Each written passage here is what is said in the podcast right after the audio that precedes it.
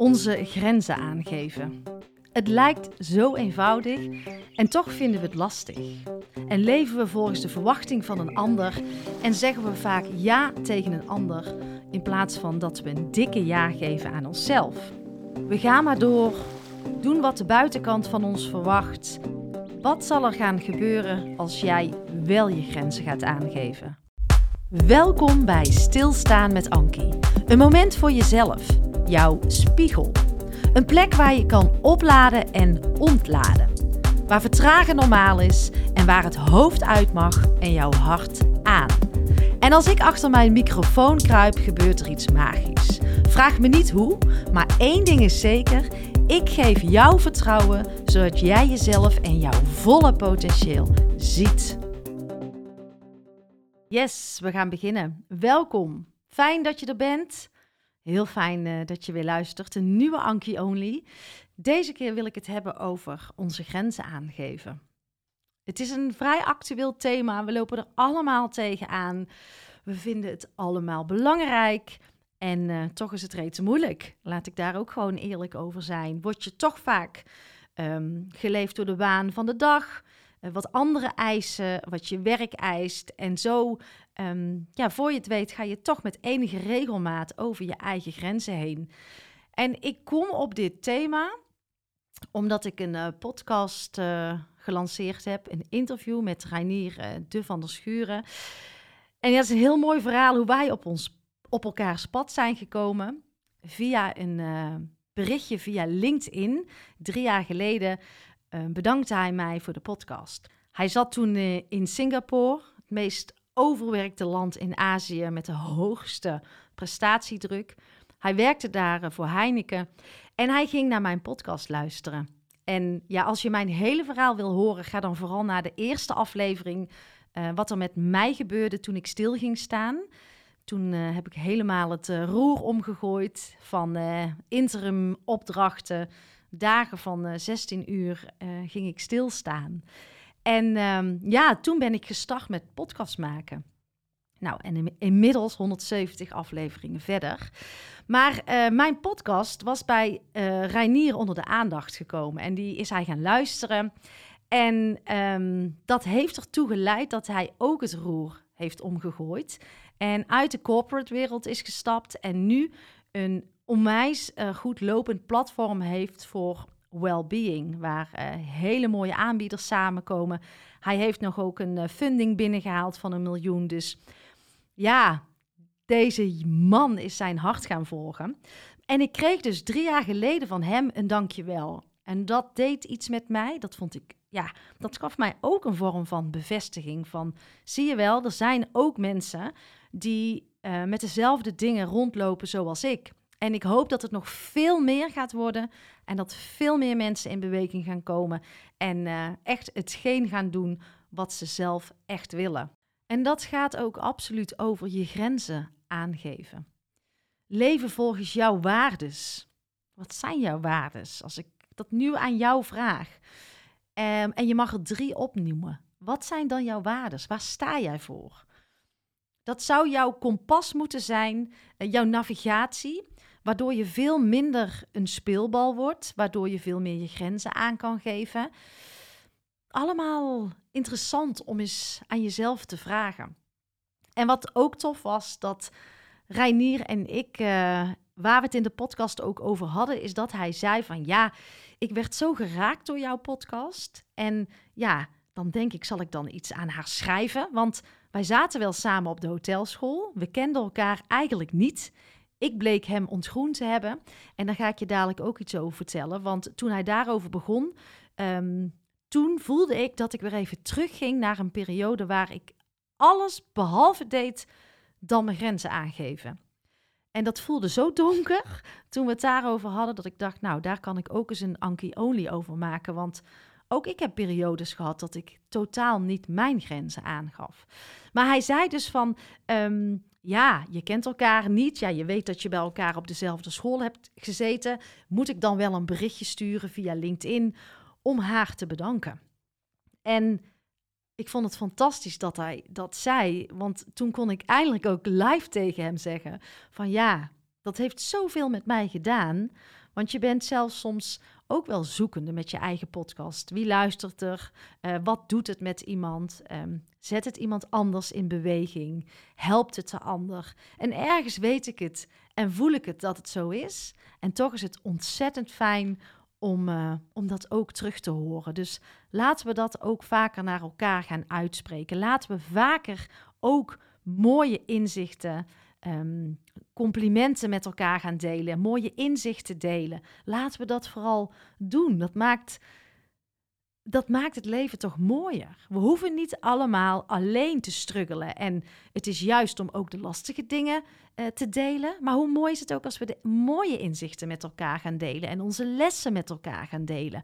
Want als ik kijk wat er is gebeurd um, tussen Reinier en mij, doordat hij dat bericht aan mij heeft gestuurd, is er echt direct verbinding ontstaan. En dat is een hele andere verbinding, die gaat veel dieper dan dat je denkt. Dus het is zo tof dat ik hem nu drie jaar later bij mij in de podcast had. En ik hoefde het ook maar te vragen. En hij zei direct ja van, ja, dit moeten we gewoon doen. We hebben gewoon een verhaal naar buiten te brengen. Dus nou ja, ga hem vooral luisteren. Deze podcast gaat over uh, mentale gezondheid dat we dat uh, veel meer mogen ja, normaliseren. Maar ook dat we in een maatschappij leven dat het eigenlijk niet meer kan dat wij reactief met onze mentale gezondheid omgaan. Het zou een soort APK mogen zijn. We mogen daar veel meer liefde en aandacht aan geven. Veel meer liefde aan onszelf geven. En uh, ja, dat begint dus ook met jouw grenzen aanleren geven. En ik zei al, Reinier en ik kenden elkaar niet en hij zei dat ik hem ontgroend had.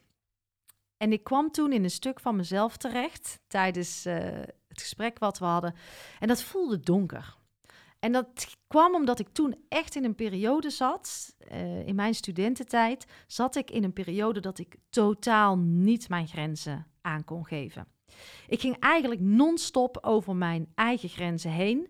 Ik had zoveel stress in mijn lichaam, waar ik ook nog makkelijk overheen kon. Uh, ik accepteerde dat dat normaal was. En nou ja, achteraf denk ik, het was niet normaal. Ik heb ook op mijn 23ste, toen zat ik in mijn laatste jaar van de hotelschool, heb ik een uh, burn-out gekregen. En ben ik er een jaar uit geweest om uh, ja, pick up the pieces. En ik weet nog, toen zat ik bij de psycholoog en toen zei ik tegen mijn psycholoog van huilend van iedereen geniet van het leven en waarom zit ik hier in zak en as? Uh, ik had hele donkere gedachten, ook wel eens de gedachten dat ik niet meer wilde. Altijd gestrest, doodongelukkig, depressief. Ik zag het gewoon niet meer zitten. En ik weet nog dat uh, ze heet mevrouw Jochems, Irma Jochems. Die zei toen: Ben maar blij Ankie, dat je het nu krijgt. en ik dacht, wat lul jij? Maar uh, als jij 50 bent, dan kun jij dingen veel minder goed nog transformeren en aanpassen.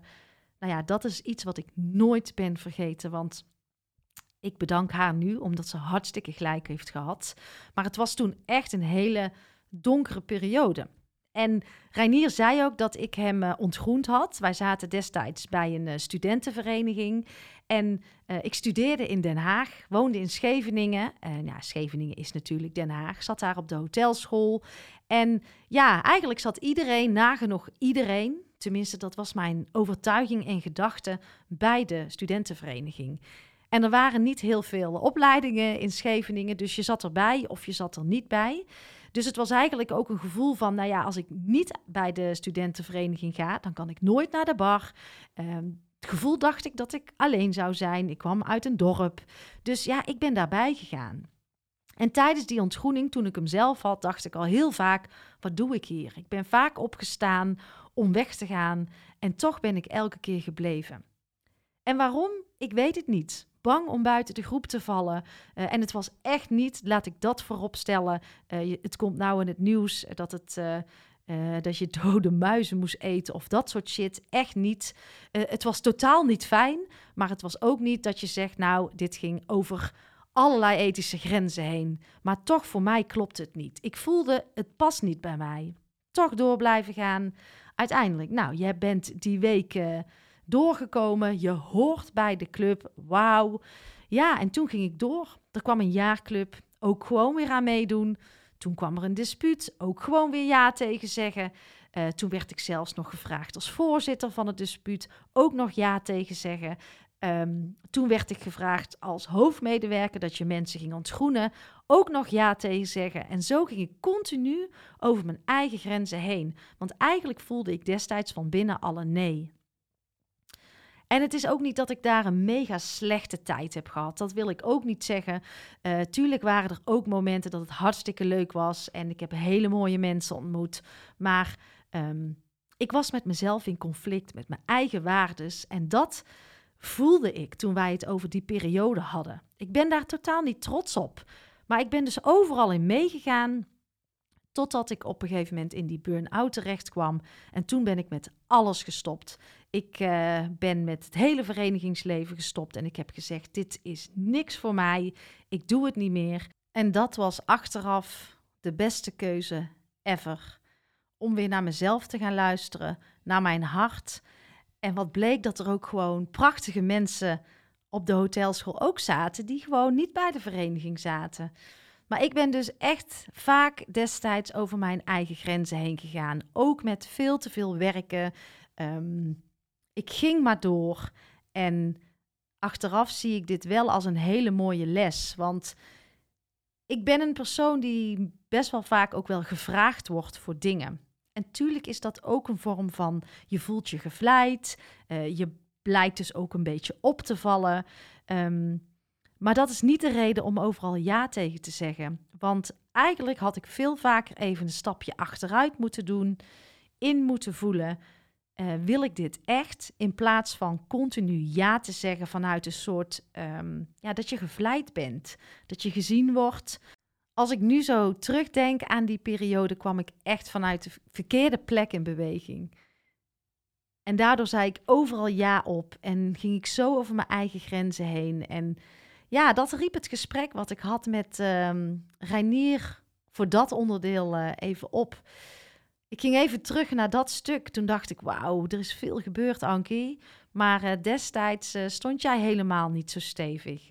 Had jij helemaal geen waardesysteem. Wist jij helemaal niet wat voor jou belangrijk was. Herkende je je eigen patronen en overtuigingen helemaal niet. Dus ik handelde altijd vanuit een soort van onderbewustzijn uh, op de automatische piloot. En uh, ik ging maar door, ja, totdat mijn lichaam dus echt zei tot hier en niet verder. En niet alleen mijn lichaam. Ik ben enorm depressief geweest uh, dat jaar. En um, ja, nu zie ik het echt als een heel mooi cadeau. Het was heel moeilijk toen ik uh, 24, 23, 24, 25 was. Maar het heeft me ontzettend veel gebracht uiteindelijk ben ik daardoor echt aan mijn fundament gaan werken.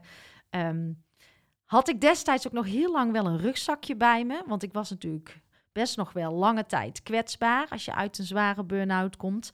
Maar ja, nu kan ik zeggen dat dat echt helemaal voorbij is.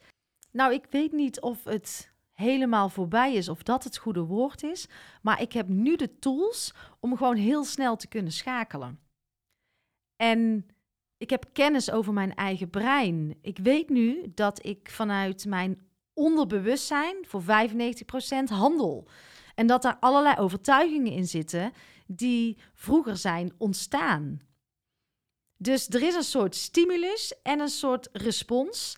En vroeger zat daartussen niks. En dan ga je gewoon op de automatische piloot. En dan zijn eigenlijk jouw patronen aan het woord.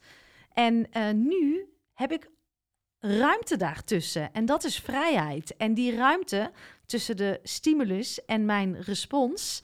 Ja, dan kan ik even reflecteren. Wil ik dit wel? Waar sta ik voor? Komt het me nu uit? Uh, past het bij me? En zo leer ik dus steeds meer mijn eigen grenzen aan te geven. En geef ik ze ook aan. En ik ben er 100% van overtuigd dat je een ander daar ook mee helpt. Hoe lastig het ook is, hoe uitdagend het ook is om je grenzen aan te geven. Iemand zal misschien minder aardig reageren, maar als jij het rondje blijft, zul jij altijd rondjes om je heen houden. En dat heb ik ooit van Tibor geleerd en dat vind ik een hele mooie metafoor. Maar als jij uiteindelijk het vierkantje gaat worden, zul je ook vierkantjes om je heen krijgen.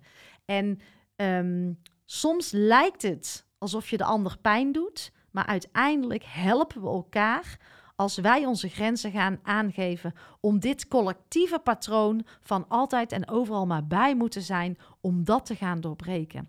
En alles begint bij jou. En we kunnen niet de schuld geven aan de agenda's, aan het werk, aan je vrienden. Als jij de eerste stap gaat zetten om je grenzen aan te geven, dan ga je echt ook dat voor een ander in gang zetten. Al lijkt dat in het begin absoluut niet en is het moeilijk, dit is wel de beweging die gaat gebeuren.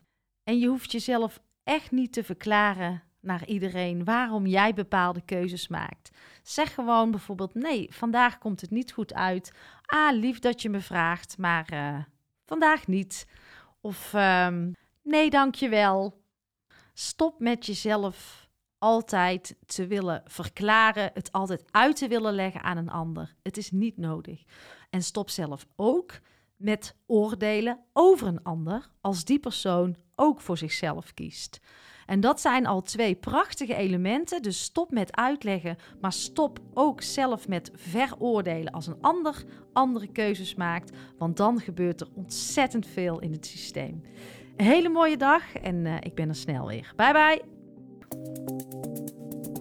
Lieve jij, dankjewel voor het luisteren en dankjewel voor jouw oprechte tijd en aandacht. En hoe meer mensen ik kan gaan bereiken, hoe beter. Want ik geloof zo sterk in die ripple. En jouw bijdrage, jouw steun is natuurlijk welkom. Altijd fijn. Doneren kan je doen via mijn site. En je vindt ook een link in de show notes. Of ben je al geabonneerd op mijn podcastkanaal? Altijd even doen, want dan ontvang jij als eerste de nieuwste afleveringen. Maar ook jouw review is fijn om te ontvangen. Fijn als je deze podcast wilt delen in jouw eigen netwerk. En ga je nou helemaal aan op alle thema's die voorbij komen op dit uh, kanaal? Kijk dan eens rond op mijn website, want misschien mag ik iets voor jou betekenen of voor jouw organisatie. En wil je met podcast aan de slag, dan uh, weet je mij ook te vinden. Op mijn website www.ankievansteen.nl ga je alles vinden over mijn aanbod en ik zou het leuk vinden om een keertje kennis te maken. Tot de volgende podcast.